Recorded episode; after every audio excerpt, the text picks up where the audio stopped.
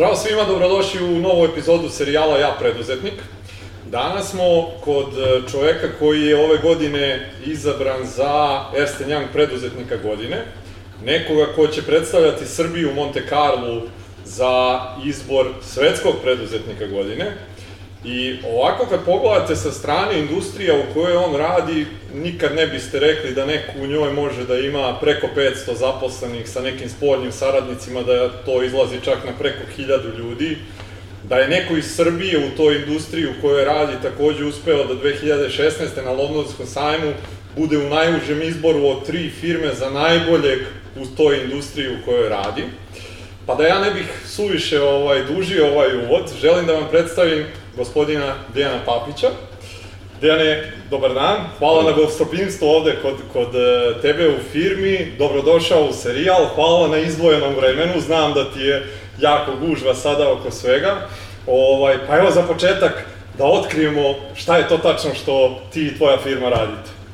Mi se bavimo izdavanjem knjiga, dakle, a, to je nešto za što biste u startu očekivali da nema veliku perspektivu u Srbiji, ali ispostavilo se da zapravo a, ne samo da postoji tržište, kako bi to grubo ekonomski bilo rečeno, nego postoje ljudi koji vole a, čitanje i knjigu i koji se raduju a, svakoj novoj knjižari. Mi smo više puta doživljavali da kada otvaramo neku knjižaru da ljudi ulaze i da nam se zahvaljuju što smo je otvorili. -hmm. Tako da mislim da je a, Srbija tu a, nekako nepravedno a, bila ili je možda i dalje na nekakvom lošem glasu da se kod nas knjige ne čitaju, sve ukazuje da je a, upravo suprotno od toga. Naravno, a, ne čitaju svi knjige, ali a, ako govorimo o procentima ili o strasti, onda je on u Srbiji situacija daleko bolja nego u mnogim zemljama razvijenog sveta, Evrope i, i šire. A, u prilog tome govori i sajam knjiga koji imamo, koji je jedan od najvećih sajmova, najposećenijih sajmova u svetu. Dakle, taj sajam ima tradiciju i što je još e, važnije, iz godine u godinu poseta se povećava. Mm -hmm. Ok, e, sad, pre nego, rekao sam na početku, dotle si stigao sa svojim biznisom, ove godine, kažem, i neka kruna možda preduzetničke karijere, ali želim sad da se vratimo na početak, pa da čujemo, eto, tih nekih mladalačkih dana i kako je došlo do toga da ti stigneš gde si danas. Da, zapravo, uh, tamo početkom 90-ih sam se zadesio u Londonu. Proveo sam nekih šest meseci sa idejom da ili ostanem tamo u nekom poslu koji bi mi odgovarao ili da se vratim u Srbiju sa idejom za posao koji bi ovde mogao da se razvija.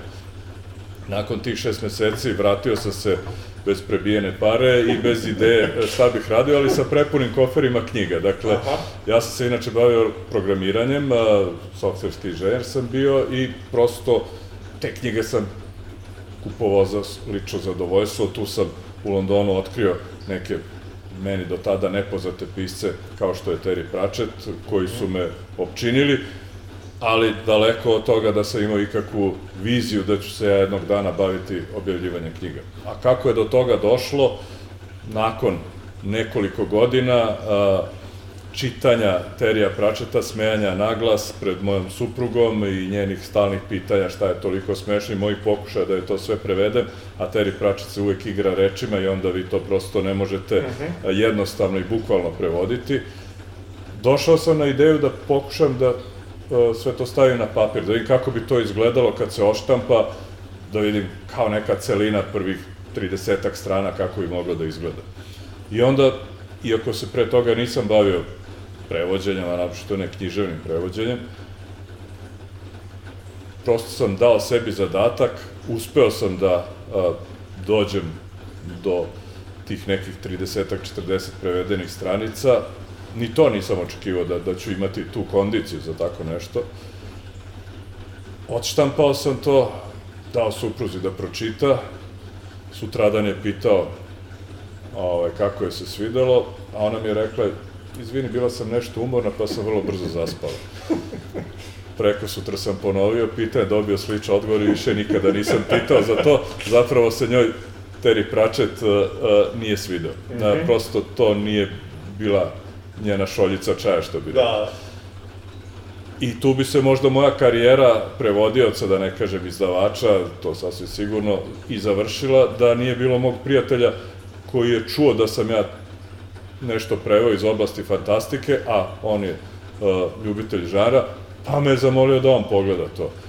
Pročitao, oduševio se i on me je dao podstrek da nastavim dalje i da prosto pokušam da izguram prevođenje do kraja knjige, što ja, uzgled budi rečeno, nisam verovao da će se desiti ali a, malo po malo i sve više i više nekako a, sam prosto dobio neki novi elan i došao do kraja a, te knjige sve vreme se pitajući a šta dalje. Dakle, da li ću ponuditi to tadašnjem jedinom praktično izdavaču Zoranu Živkoviću i njegovoj firmi Polaris da oni to objave ili ću možda pokušati nekako sam. Ova druga opcija mi se naravno više svidela, a o izdavaštvu sam znao skoro ništa, te sam ovaj, uspeo da a, za jedno popodne odvojim a, čoveka koji je u izdavaštvu bio malo duže, a imao je neku svoju privatnu knjižu, te mi je on to jedno kišno popodne pričao na koji način sve to funkcioniše, kako se knjige daju knjižarama na komisionu prodaju, kako se to naplaćuje, štamparije, kako, s kim. Tako da je moja početna obuka trajala jedno popodne. Ovaj, sve kasnije što je došlo nekako se ovaj, sticalo iskustveno ili praćenjem nekih a, ozbiljnih izdavača a, van zemlje ili učenjem a, na dobrim, a pogotovo još i više na lošim potezima a, konkurentskih izdavača ovde u Srbiji. Tako da, a, do te prve knjige se došlo nekako, a, eto kažem, gotovo, slučajno, i kada je to već sve bilo a, praktično privedeno kraju, postavilo se pitanje kupovine autorskih prava. Uzgled bude rečeno, u Srbiji se u to vreme a, nije mnogo razmišljalo o, o legalnim tokovima i kupovini prava, a, pa sam ja, u, sad skačem par meseci unapred, a, u štampari gde sam štampao knjige, bio poznat kao onaj što plaća autorska prava. O, ali ne samo da mislim, i, i uvek sam mislio da, da je to fair i pošteno i red na kraju krajeva, nego je nekako to i zaštita za tog izdavača. Znači, ako vi kupite prava, onda je taj pisac i ta knjiga, onda su oni nesporno vaši i ne može vam se desiti ako napravite uspeh da preko noći neko drugi dođe i prosto Da, o, preuzme o, tog autora i vama završi karijeru. Dakle, prosto tako je krenulo, ali, ali trebalo je kupiti pre svega ta prava, a, a internet je tad tek bio u povoju. Srećom za mene, Terry Pratchett je bio jedan od prvih pisaca koji je bio prisutan na internetu, pa sam mogao da stupim u kontakt s njim, on me uputio na svog agenta, ja sam agentu objasnio da sam entuzijasta koji je preveo knjigu, sa puno žara bi želeo da je predstavio odašoj publici, on mi je rekao sve to lepo i u redu, ali mi ne poslujemo sa fizičkim licima, tako da ovaj, treba će nam izdavačka kuća s kojom možemo to da radimo. I onda sam ja za nedelju dana smislio i ime i registrovao kuću i ovaj logo koji je i danas aktualan, to je opet neki moj dizajn. I onda sam mu se posle tih nedelju dana obratio kao Dejan Papić, direktor izdavačke kuće Laguna i on se pravio kao da se ništa nije prethodno dešavalo Da i mi smo se ovaj, relativno jednostavno dogovorili da, da ja kupim ta prava. Eto, tako je došlo do toga da a, Laguna zapravo nastane kao izdavačka kuća i da a, krene u tu avanturu objavljivanja svog prvog romana. Reci mi, osim te obuke jednog popodneva koju si imao, jesi li do tad uopšte na stranu izdavaštva, jesi li imao nekog prethodnog iskustva sa preduzetništvom uopšte do tog trenutka? Mislim da sam nekako uvek imao taj impuls u sebi, da sam uvek imao tu neku želju da se ostvarim kao preduzetnik, pa i dok sam se bavio samo programiranjem, nekako mi se činilo kao da deo mene je negde sputan i kao da, da to negde treba konačno da izađe na, na, na, na svetlo dan. M- Moj prvi posao je bio kao tehničar prvo u jednom videoklubu, a kasnije sam prosto i sam krenuo na tu stranu i pokrenuo svoj videoklub, opet praktično ni iz čega, opet sa desetak, 15 videokaseta koje sam uspeo nekako da snimim i da ih ponudim u svojoj dnevnoj sobi ljudima koji su dolazili sa različitih strana, jer se glas proneo da imam neke zanimljive filmove. Tako je to bilo vreme, nije bilo mnogo video klubova, pa, pa se tako moglo funkcionisati. Naravno, to je vrlo brzo preraslo kapacitete moje dnevne sobe, pa smo onda ovaj, iznajmili neki prostor gde se konačno taj klub pojavio onako kako je trebalo. Ali dakle, svakako ni tada nisam imao dovoljno novca da pokrenem a, jedan ozbiljan video klub sa ozbiljnim izborom, već je sve moralo da a, nastaje od prvog malog skromnog koraka pa da a, nekako se razvija dalje. Eto kako sam a, bio razvio taj video, video klub, tako na sličan način sam i razvio izdavaštvo, samo što je izdavaštvo imalo veću Jasno. Reci mi, e, dobio si autorska prava i šta se onda dešava? Pa onda se dešava da a, sam zapravo a, shvatio da prosto nije dovoljno tu jednu knjigu ili jednog pisca a, staviti u knjižare i očekivati da će se stvari razvijati same od sebe. Znači, jasno mi je bilo od početka da moram da a, pronesem glas o tom piscu, jer Terry Pratchett zaista jeste bio jedan od najpopularnijih britanskih pisaca, a, ali kako, kako ljude u Srbiji obavesti o tome kada velika, velika većina nikad nije čula za njega. Dakle, imao sam relativno sreću okolnost da a, ne, nedaleko od objavljivanja prve knjige je bio i sajam knjiga u Beogradu, pa sam onda pripremio plakate koje sam naravno sam lepio po uh -huh. halama Beogradskog sajma. A, sam sam naravno distribuirao knjigu gde sam god mogao i, i kogod je hteo da je, da je prihvati. Uzgled budi rečeno, eto, i, i to je možda zanimljiva crtica, pr, pr, prvi prodavac uliče, a tada je bilo mnogo uličnih prodavaca i oni su nosili možda većinu prodaje, prvi ulični prodavac kome sam ponudio Terija Pračeta sa pričom da je to jedan od najpopularnijih pisaca na svetu i da on može da dobije knjigu komisiona, dakle ne mora ni da je plati, a zaista imao slične knjige u ponudi i lep štand eh, na terazijama. Samo je onako pogledao knjigu i sa gnušanjem je vratio i rekao da ga ne zanima. Ovaj, nikad mu to nisam zaboravio. ovaj, ali srećom nije on bio jedini, već sledeći su prihvatili knjigu i neke ve, veće knjižare i ozbiljnije su prihvatile knjigu i dakle tako je krenula ta prodaja knjige koja je bila sasvim solidna za, za, za sam početak. Ono što je zanimljivo to je da sam uh, bio sazvao preskonferenciju uh, da prosto obznanim da je objavljena knjiga. Zanimljivo je reći da je u to vreme, ako se ne varam, da su tri televizijske ekipe bile na toj preskonferenciji, ne zato što sam ja bio spektakularno zanimljiv, već zato što su oni zaista tako pratili preskonferencije koje su se dešavale u biblioteci grada. Znači, to je bila jedna od preskonferencija tog dana, ali oni su imali ekipe. Hoću da kažem da se u to vreme možda više poklanjalo, ne možda, nego sasvim sigurno se više poklanjalo pažnje kulturi i dešavanjima eto, i u oblasti izdavaštva.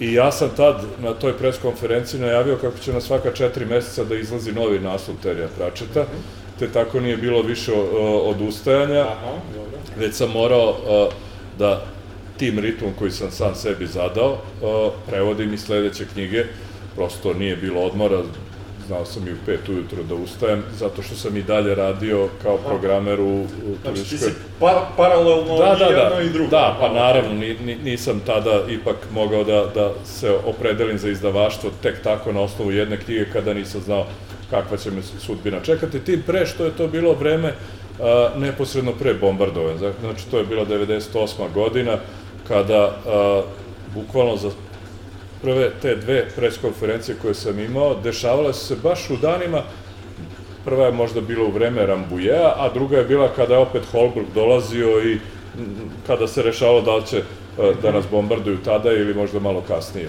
Ovaj, tako da, obe te moje prve preskonferencije bile su ugrožene tim nekim vrlo važnim a, političkim događajima koji su se baš tog dana dešavali.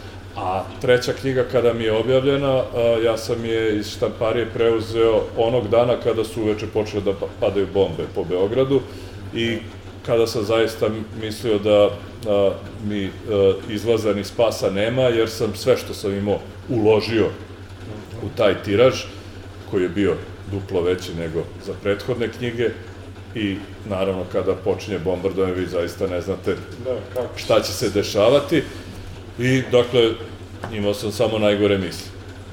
E, Srećna okolnost je bila da zapravo e, su ljudi tokom bombardovanja čitali možda više nego ikada, pa ja sam sećam se da sam čitao neke klasike za koje pre Da. toga nisam imao vremena.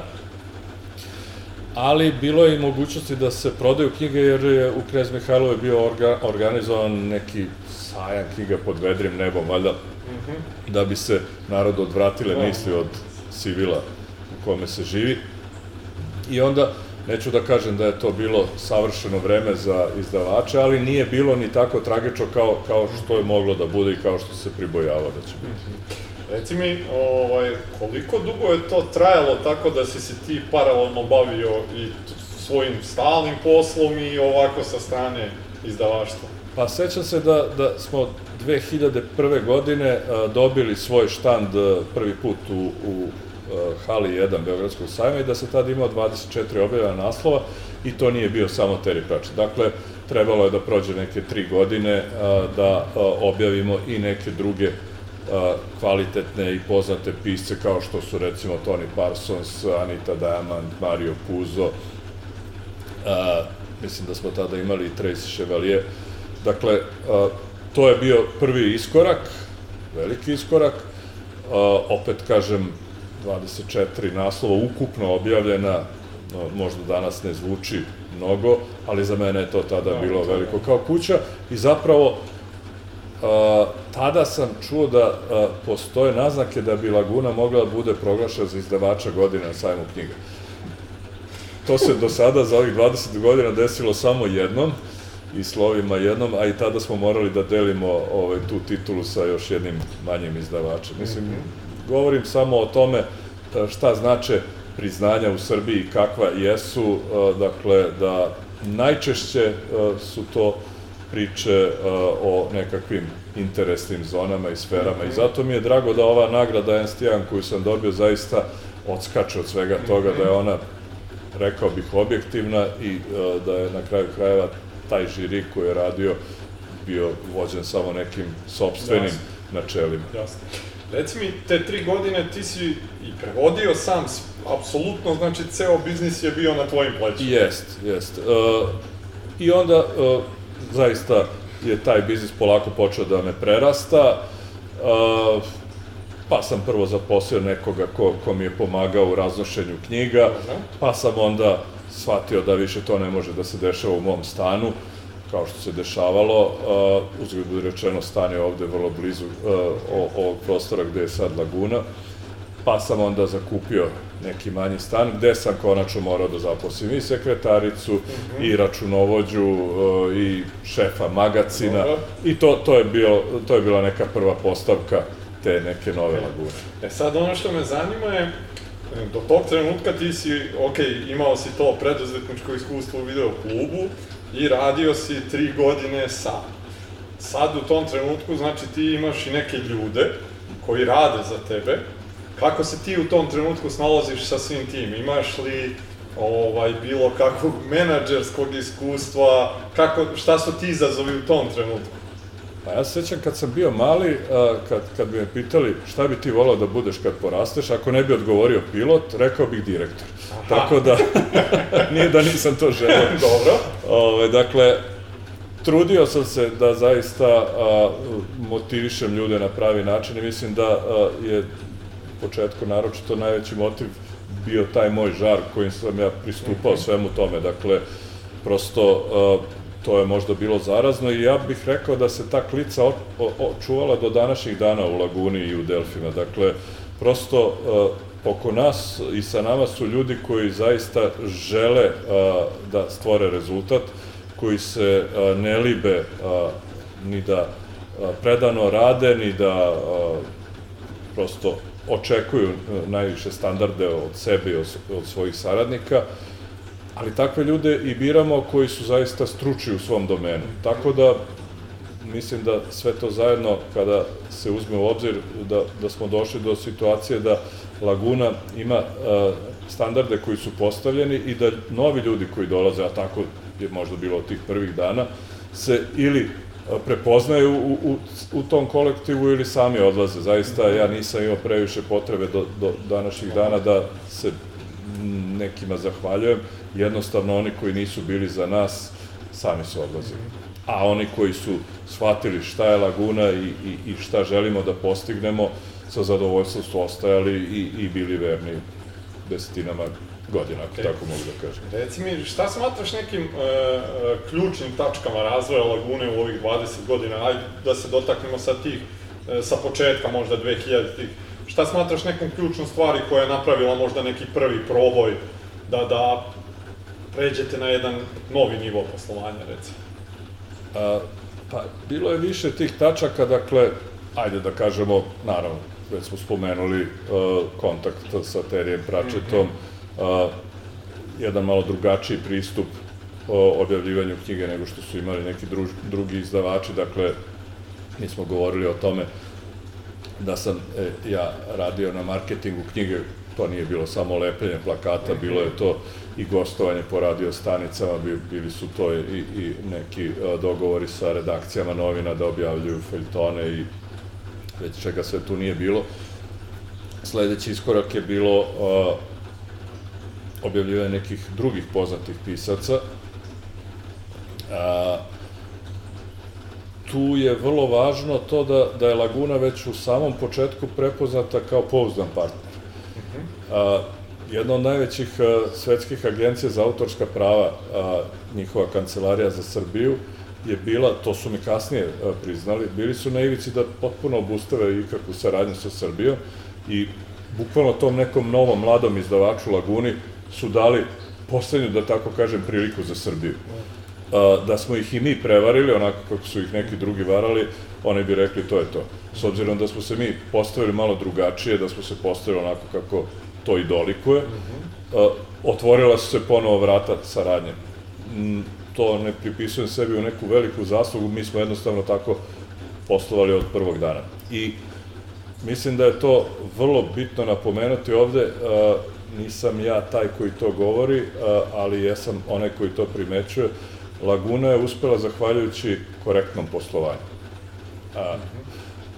Ako me pitate odakle svi ovi srpski pisci baš u Laguni i zašto su svi praktično koji nešto vrede ovde u Laguni, to je zato što znaju da će ovde sve što bude dogovoreno biti ispoštovano, da ih niko neće varati iza leđa, da ćemo ulagati svu energiju, ali i da će moći da veruju našim izveštajima da je to upravo tako i dakle izveštaj o prodaji uh, sastavlja moja administracija, ja ih i ne vidim, sem nakladno, post festu, dakle uh, i vrlo mirno spavam. S druge strane, imam zadovoljne saradnike, bilo da su to prevodioci, bilo da su to pisci, koji znaju da ostvaruju svoj maksimum.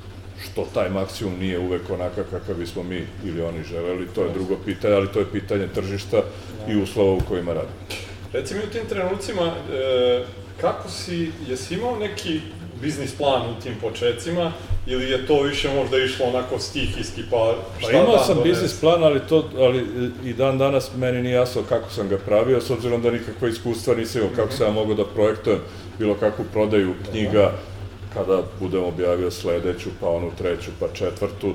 Znači, tada sam možda pravio ozbiljnije biznis plana nego što ih pravim danas, jer mi je tada svaki dinar bio izuzetno važan, ako ne i presuda.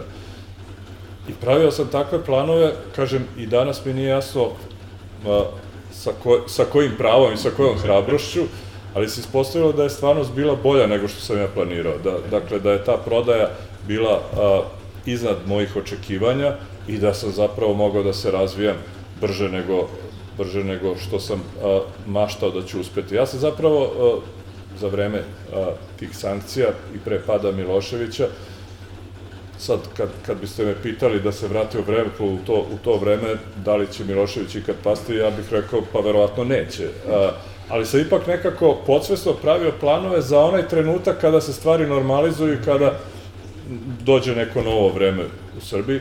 pa sam a, želeo da ostvari neku povoljnu da kažem, startnu poziciju za to neko novo doba. I negde sam očekivao, to jest nadao se da ću biti po veličini možda sedmi, osmi, deseti izdavač i to bi zaista bilo ispunjenje mojih snova. Da će Laguna postati ovo što je danas postala, naravno, ni, ni, ni u najluđim slovima ne bi smeo da se nadim. e, kako je se firma razvijala, pretpostavljam da su onda pojavljivale si neke nove stvari o kojima moraš da vodiš računa, opet sad da se vratimo na taj menadžerski deo poslovanja. Ovaj, na koji način si ti e, edukovao sebe za to? Je to bilo možda nekoga kome si mogao da se obratiš ili si morao isto onako iz pogrešaka i iz prakse neke stvari da shvatiš? Pa iskreno rečeno nisam imao kome da se obratim. Gledao sam oko sebe kako funkcionišu drugi izdavači u Srbiji, gledao sam a, u nekim razvijenim zemljama kako funkcionišu izdavači, srećom bavim se knjigama pa sam imao i, i kakvu knjigu da pročitam o tome. A, dakle, prosto a, skupljao sam najbolje iskustva i moji prvi odlasci u London na sajam knjiga zapravo su više bili posjećivanje londonskih knjižara nego što sam provodio vreme na sajmu knjiga. Prosto sam želeo da vidim u praksi na koji način uh, se izlažu knjige, kako, kakve se knjige objavljuju, šta bi to moglo da bude zanimljivo za Srbiju i srpsko tržište. I dakle, eto, mislim da, da i, i danas ovo što radi Laguna ima odjeke iz tog vremena, znači prosto kada govorimo, počeši recimo od dizajna, pa preko načina promovisanja knjiga do o, možda i, i nekih finansijskih tokova, mislim da a, Laguna baštini ona najbolja iskustva velikih svetskih izdavača. E, šta su u tom periodu neke stvari koje si morao da menjaš kod sebe kako bi celokupna firma uopšte mogla da funkcioniše? Jesi imao neke posebne osobine ili karakteristike na kojima si morao ti sam da radiš kako bi, eto, firma mogla da raste dalje? Da, uh, prosto više se pitanje istrajnosti nije moglo postavljati, dakle, a, Laguna je krenula nekim o, o, ozbiljnim a, kolosekom i ja sam jednostavno morao da pratim Lagunu, ako ne i da je vodim. Mhm. znači, tu menjanja ritma nije moglo da bude, moglo da bude samo pojačavanja ritma, što je negde bila i moja strast. Zaista sam želeo uh, sve više i više kvalitetnih knjiga da predstavim srpskoj publici. Uh, I to sam rekao negde i na svojoj prvoj konferenciji, da je moja želja da predstavim još neke uh, zanimljive pise. Zaista, uh, ekonomski motiv naravno da uvek postoje, ali mi on uopšte nije bio u prvom planu. Ja sam bio gladan toga da uh, pokušam i sa nekim novim zanimljivim piscima da vidim kako će njih prihvatiti publika. I recimo čitav žar epske fantastike koji je danas jel, veoma popularan, znamo svi uh, George Martin uh, kakav je uspeh po postigao i Laguna kada se odlučila uh, da, da ga objavljuje, on je bio jedan pisac koji obećava, ali uh, ne uh, živa legenda koja je danas. Uh, mi smo tada naišli na skepsu ljudi koji su bili u izdavaštvu, konkretno Zorana Živkovića koji mi je rekao da smatra, on je doajan, naravno nauče fantastike, fantastike uopšte u Srbiji, koji mi je rekao da smatra da u Srbiji ne postoji tržište za epsku fantastiku. Dakle, ako je to izjavio neko ko je najstručniji bio u tom trenutku da to kaže, onda mi je veoma drago da smo uspeli da to tržište zapravo razvijemo i da ono danas se uopšte ne dovodi u pitanje. Okay. Znači, e, zanima me sad, eto, rekao si da, da na neki način dobili ste savet od nekoga koji imao jako puno iskustva e, za neke stvari, ali si ipak na neki način odlučio sam da, da ne poslušaš, nego da ipak, e, to nešto što e, te odlikuje, ta neka možda, ajde kako da je nazovemo, tvrdoglavost, upornost ili tvoja neka vizija, da, da e, to što ti vidiš, iako drugi ne vide, da ti ipak kreneš za tim. Pa da, zanimljiva je bila moja odluka uh, 2007. godine da prekinem saradnju sa tada najvećim lancem knjižara, praktično monopolistom koji je sve druge uslovljavao i otežavao i poslovanje time što nije izmirivao svoje obaveze. Laguna to prosto više nije mogla i ni želela da trpi, jer smo mi praktično finansirali izdavaštvo te firme svojim novcem i ja sam odlučio da prekrenem saradnju sa njima na očaj mojih saradnika, pošto su mislili da će to biti naš kraj. A zapravo je to bio jedan iskorak u nešto novo. Godinu e, dana kasnije smo otvorili svoju prvu knjižaru, ali pre toga smo e, zapravo ne radeći sa tim lancem uh, unapredili prodaju za nekih 20% što, što je vrlo zanimljivo. Dakle, uh, ali kažem, uh, i taj korak je značio da prosto prekidamo sa nekakvom lošom poslovnom politikom naših partnera i da krećemo sami na tu stranu i za tom odlukom nikad naravno nisam zažalio, jer, jer tako su nastale Delfi knjižare. Da. I opet je zanimljivo primetiti da su Delfi knjižare nastale u trenutku uh, naj, najveće svetske ekonomske krize u poslednjih 20 godina. Dakle, Laguna je nastala pred bombardovanje u najcrnjim danima da. Srbi, Srbije, a Delfi knjižare uh, su nastale onda kada su se zapravo mnogi lokali u, u Beogradu zatvarali. Ali za nas je to bila srećna okolnost, jer su se oslobađali neki prostori gde smo i mogli da ulazimo uh, sa knjižarama i da ih otvaramo pod nekim relativno povoljnim uslovima nego što bi bili pre nekoliko godina. Vi sada imate preko 40 knjižara. 45, da. 45, okej. Okay. E sad zanima me te odluke koje si donosio, koje su nekad eto možda bile e, i e, kontra, da tako kažem, od nekih saveta koje si dobijao. Na koji način si uopšte donosio te odluke? Je li to više bilo možda na osnovu nekog tvog instikta ili je to možda bilo neko, eto, neki proces koji sam imaš? Kako to možda i dan danas izgleda? Pa nisu to baš bile uvek impulsivne odluke mhm. -huh. ili, ili možda nikad nisu bile samo impulsivne odluke. Naravno da, da neki dignitet čovjek mora da zadrži u poslu, ali i iznad svega toga mora da postoji ne, ne, neka ekonomska računica. Dakle, a, ja sve te odluke nisam donosio ni na pamet ni na prečac, već sam pokušavao da sagledam a, ko, koji su nam alternativni putevi i kako mi možemo da amortizujemo te neke negativne udare, a, inicijalne negativne udare pri promeni poslovanja ispostavilo se da, da je i ta računica bila dobra i da prosto uh, smo mogli da razvijamo knjižare koje nam danas uh, predstavljaju uh, ozbiljan temelj poslovanja. -hmm. Je li bilo tad pritiska i u stvari imali ga i danas kad treba da doneseš neku možda strateški važnu odluku, obzirom da, da rekli smo na početku preko 500 ljudi radi sada u, u tvojim firmama i sa spoljnim saradnicima to je preko 1000, postoji li pritisak E, neki lični koji ti osjećaš kad treba da doneseš neke važne odluke? Pa kako da ne, e, odgovornost e, mora da postoji i ne možete biti nesvesni nje, ali nekako, znate, kao i vozač autobusa, on prvo ugrožava sobstveni život ako, ako donosi pogrešne odluke, pa tek onda života da, putnika, da. tako da ste u situaciji da i iz svoje perspektive razmišljate o nekakvom svom boljitku uh, i samim time boljitku za čitav sistem.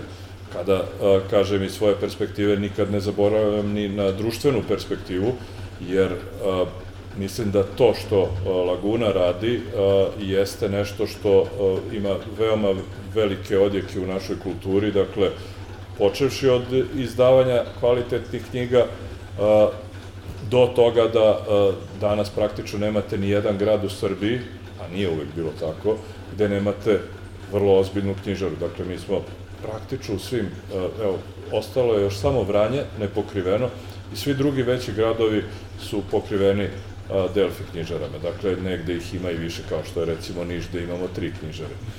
A, a ja veoma dobro pamtim vreme od pre 15 godina kada se uh, sve svodilo uglavnom na Beograd, nešto malo na Novi Sad, Niš usput i ostali gradovi skoro da nisu postojali za, za a, izdavače koji se bave knjigama. Danas je situacija potpuno drugačija, zapravo se pokazalo da u svim tim sredinama postoje ljudi koji žele knjižaru, koji žele da čitaju, koji žele da, da im se ponude knjige i mi tako i dolazimo do njih. I to nije a, jedina korisna stvar koju radimo za društvo, mi a, podržavamo mnoge i humanitarne akcije, često smo predvodnici takvih akcija ili ih sami osmišljavamo. Evo, nedavno smo imali akciju koju sam ja sam osmislio, da, a to je da se putem dobrovoljaca deca koja su bez roditeljskog staranja, dakle deca iz Zvečanske i, i njihovih sistema, da dolaze u dodir sa knjigom. A to se ne dešava tako što mi poklanjamo knjige, pa one završavaju na nekim policama, već se to dešava tako što, da, i poklonimo knjige, ali zapravo smo organizovali jednu širu društvenu akciju gde, se, gde su se javljali dobrovoljci, koji su prošli tri, trijažu socijalnih službi i onda čitali jedan na jedan knjige toj deci. Eh, jer je dokazano da deca koja u, u, u ranom, uh, ranoj fazi odrastanja dođu u kontakt sa knjigama kasnije, statistički su mnogo uspešnije u životu, bolje obrazovana, sa boljim zaradama, nego ona druga deca kojima je knjiga bila strana. E, zanima me, dotakli smo se na početku, si rekao da, da što se tiče ljudi koji su dolazili u firmu, da su se oni na neki način filtrirali kroz, kroz tu neku E, kompanijsku kulturu koju ste vi imali. E sad, zanima me, dok si se ti bavio tim delom posla, kad si određivao ko će da postane deo tvog tima, šta je to što si gledao u tim ljudima, na osnovu čega si donosi odluku, da li ćeš uopšte da im daš šansu ili ne? Pa, moram da kažem da a, se često na onom prvom razgovoru ili u CV-u pogotovo ne može a, saznati ili proceniti čoveka na pravi način. Dakle, prosto je potrebno videti i u praksi kako stvar funkcioniše. Naravno, pošto to već ne možete na prvom razgovoru, a ja možda nemam uvek razvijen taj osjećaj da, da a, prosto instinktivno prepoznam pravog saradnika, onda u nekom probnom radu se to vrlo brzo može a, videti, shvatiti i dakle, naravno, odlučivanje na bazi CV-a i, i, i prvih razgovora jeste bitno, ali pomalo i sreća kasnije koja mhm. treba da vas prati. A, mi smo u nekoliko navrata imali slučaj da a, prva dva izbora budu pogrešna i tek onaj treći ne da bude dobar, nego bude savršen. Dakle, a, to mi se nekoliko puta desilo, upravo da, da je taj treći sa liste koji ne bi dobio šansu uopšte, da, da nisu ona prva dva prošli kroz sistem pa sami odustali, taj treći ne bi dobio šansu, a ovako je postao naš nezamenljivi saradnik. Ok, zanimljivo. Uh, zanima me, kad pogledaš sad ovako uh, duga preduzetnička karijera za tebe, šta smatraš nekim svojim najvećim greškama koje si napravio kroz nju? Pa, to je zanimljivo pitanje, e, daleko od toga da nije bilo greški, ali, ali mogu da kažem da je možda e, sistemski e, su najpogrešnije bile odluke što sam relativno lako, relativno brzo davao poverenje nekim saradnicima koji, za koje se kasnije ispostavilo da nisu bili vredni tog poverenja i da su zapravo imali mali učinak i možda da su napravili više štete nego koristi. Naravno, bilo je tu i od, određenih izleta u okviru samog izdavaštva u neke oblasti gde se nismo najbolje snašli i od kojih smo kasnije odustajali, ali nekako se iskristalisalo ono što Laguna zna, može i želi da radi. E, kad pogledaš sad ovako, pošto nam jedan deo emisije uvek posvetimo i mladim ljudima koji kreću u preduzetništvo, sad sa svim ovim što ti znaš, e, neki par saveta koje bi dao njima, znači, bez obzira da li su tu možda negde da pokrenu sam posao, ili su ga možda već negde pokrenuli, Koje su to stvari na koje bi trebalo da obrate pažnju u samim tim početcima?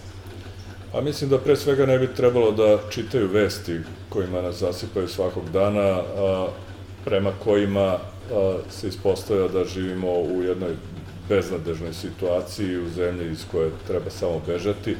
Ja sam eto dakle pre 25 i više godina pokušao da izađem iz te zemlje, tada je to bila neka drugačija zemlja,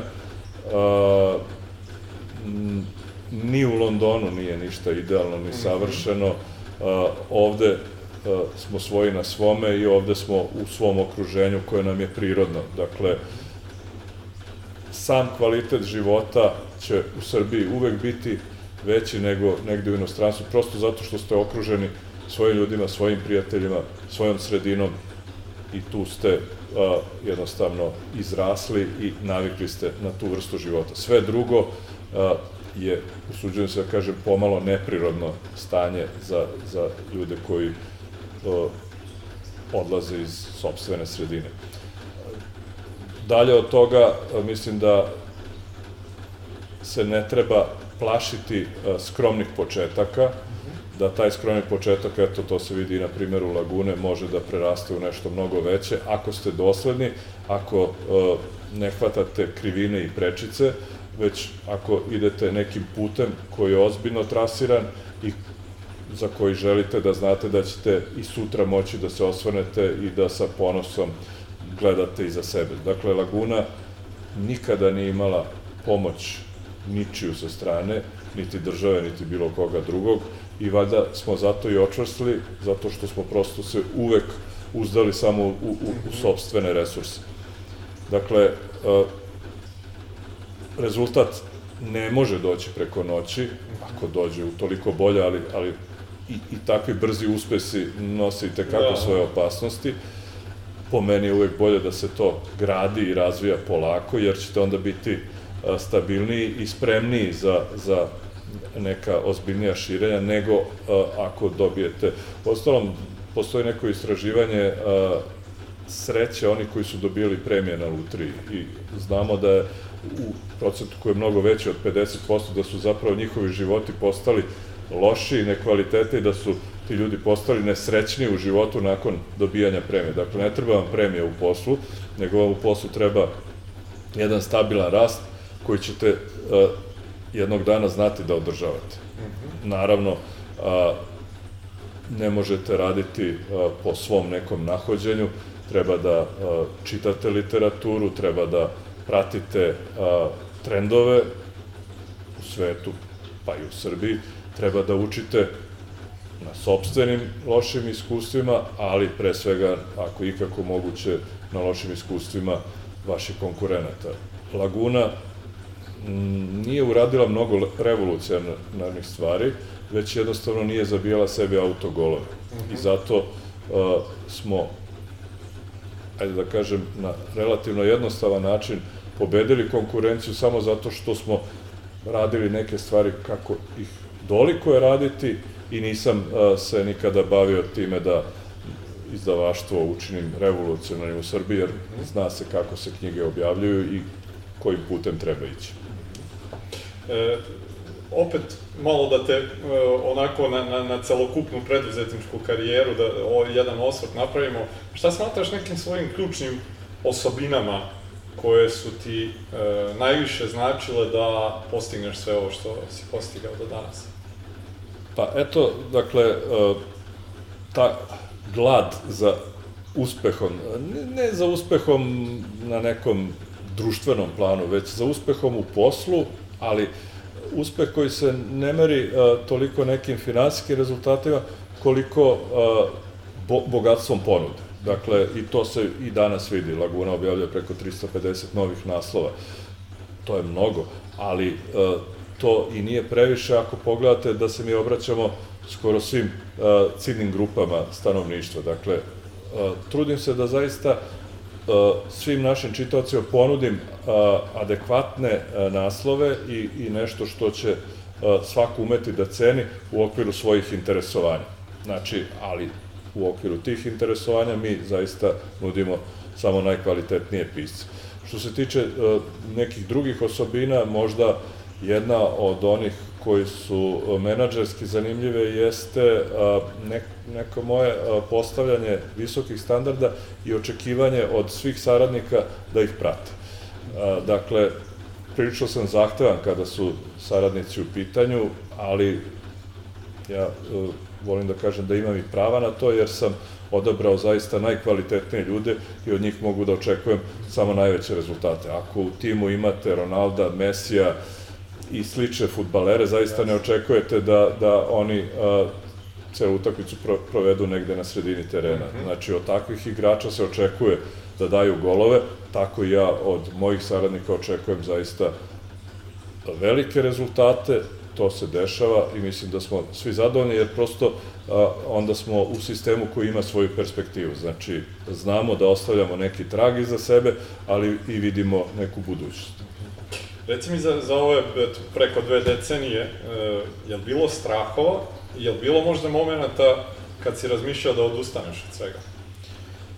Nije bilo momenta kada sam razmišljao da odustanem, a najveći strah je bio kada je bio sam početak i kada je a, bilo bombardovanje. Inače, a, od tada pa nadalje Laguna zaista ima a, samo jednu tendenciju rasta, možda je neka zapitanost postojala kada, kada smo bili u previranju i kada smo se okretali ka sobstvenim izvorima malo prodaje, dakle, kada, ka sobstvenim knjižarama, jer tu zaista nisam imao previše iskustva, a poduče nekim drugim iskustvima da knjižare u Srbiji uglavnom ne opstaju, da knjižare u Srbiji uglavnom propadaju, mogao sam da očekujem sve najgore. Međutim, i tu smo pristupili malo drugačije nego naši prethodnici, malo ozbiljnije, i tu smo zaista u svaku knjižaru ugradili sebe i dali svoj maksimum, bez obzira da li se ona otvarala u Knez Mihajlovo ili u Lebanu.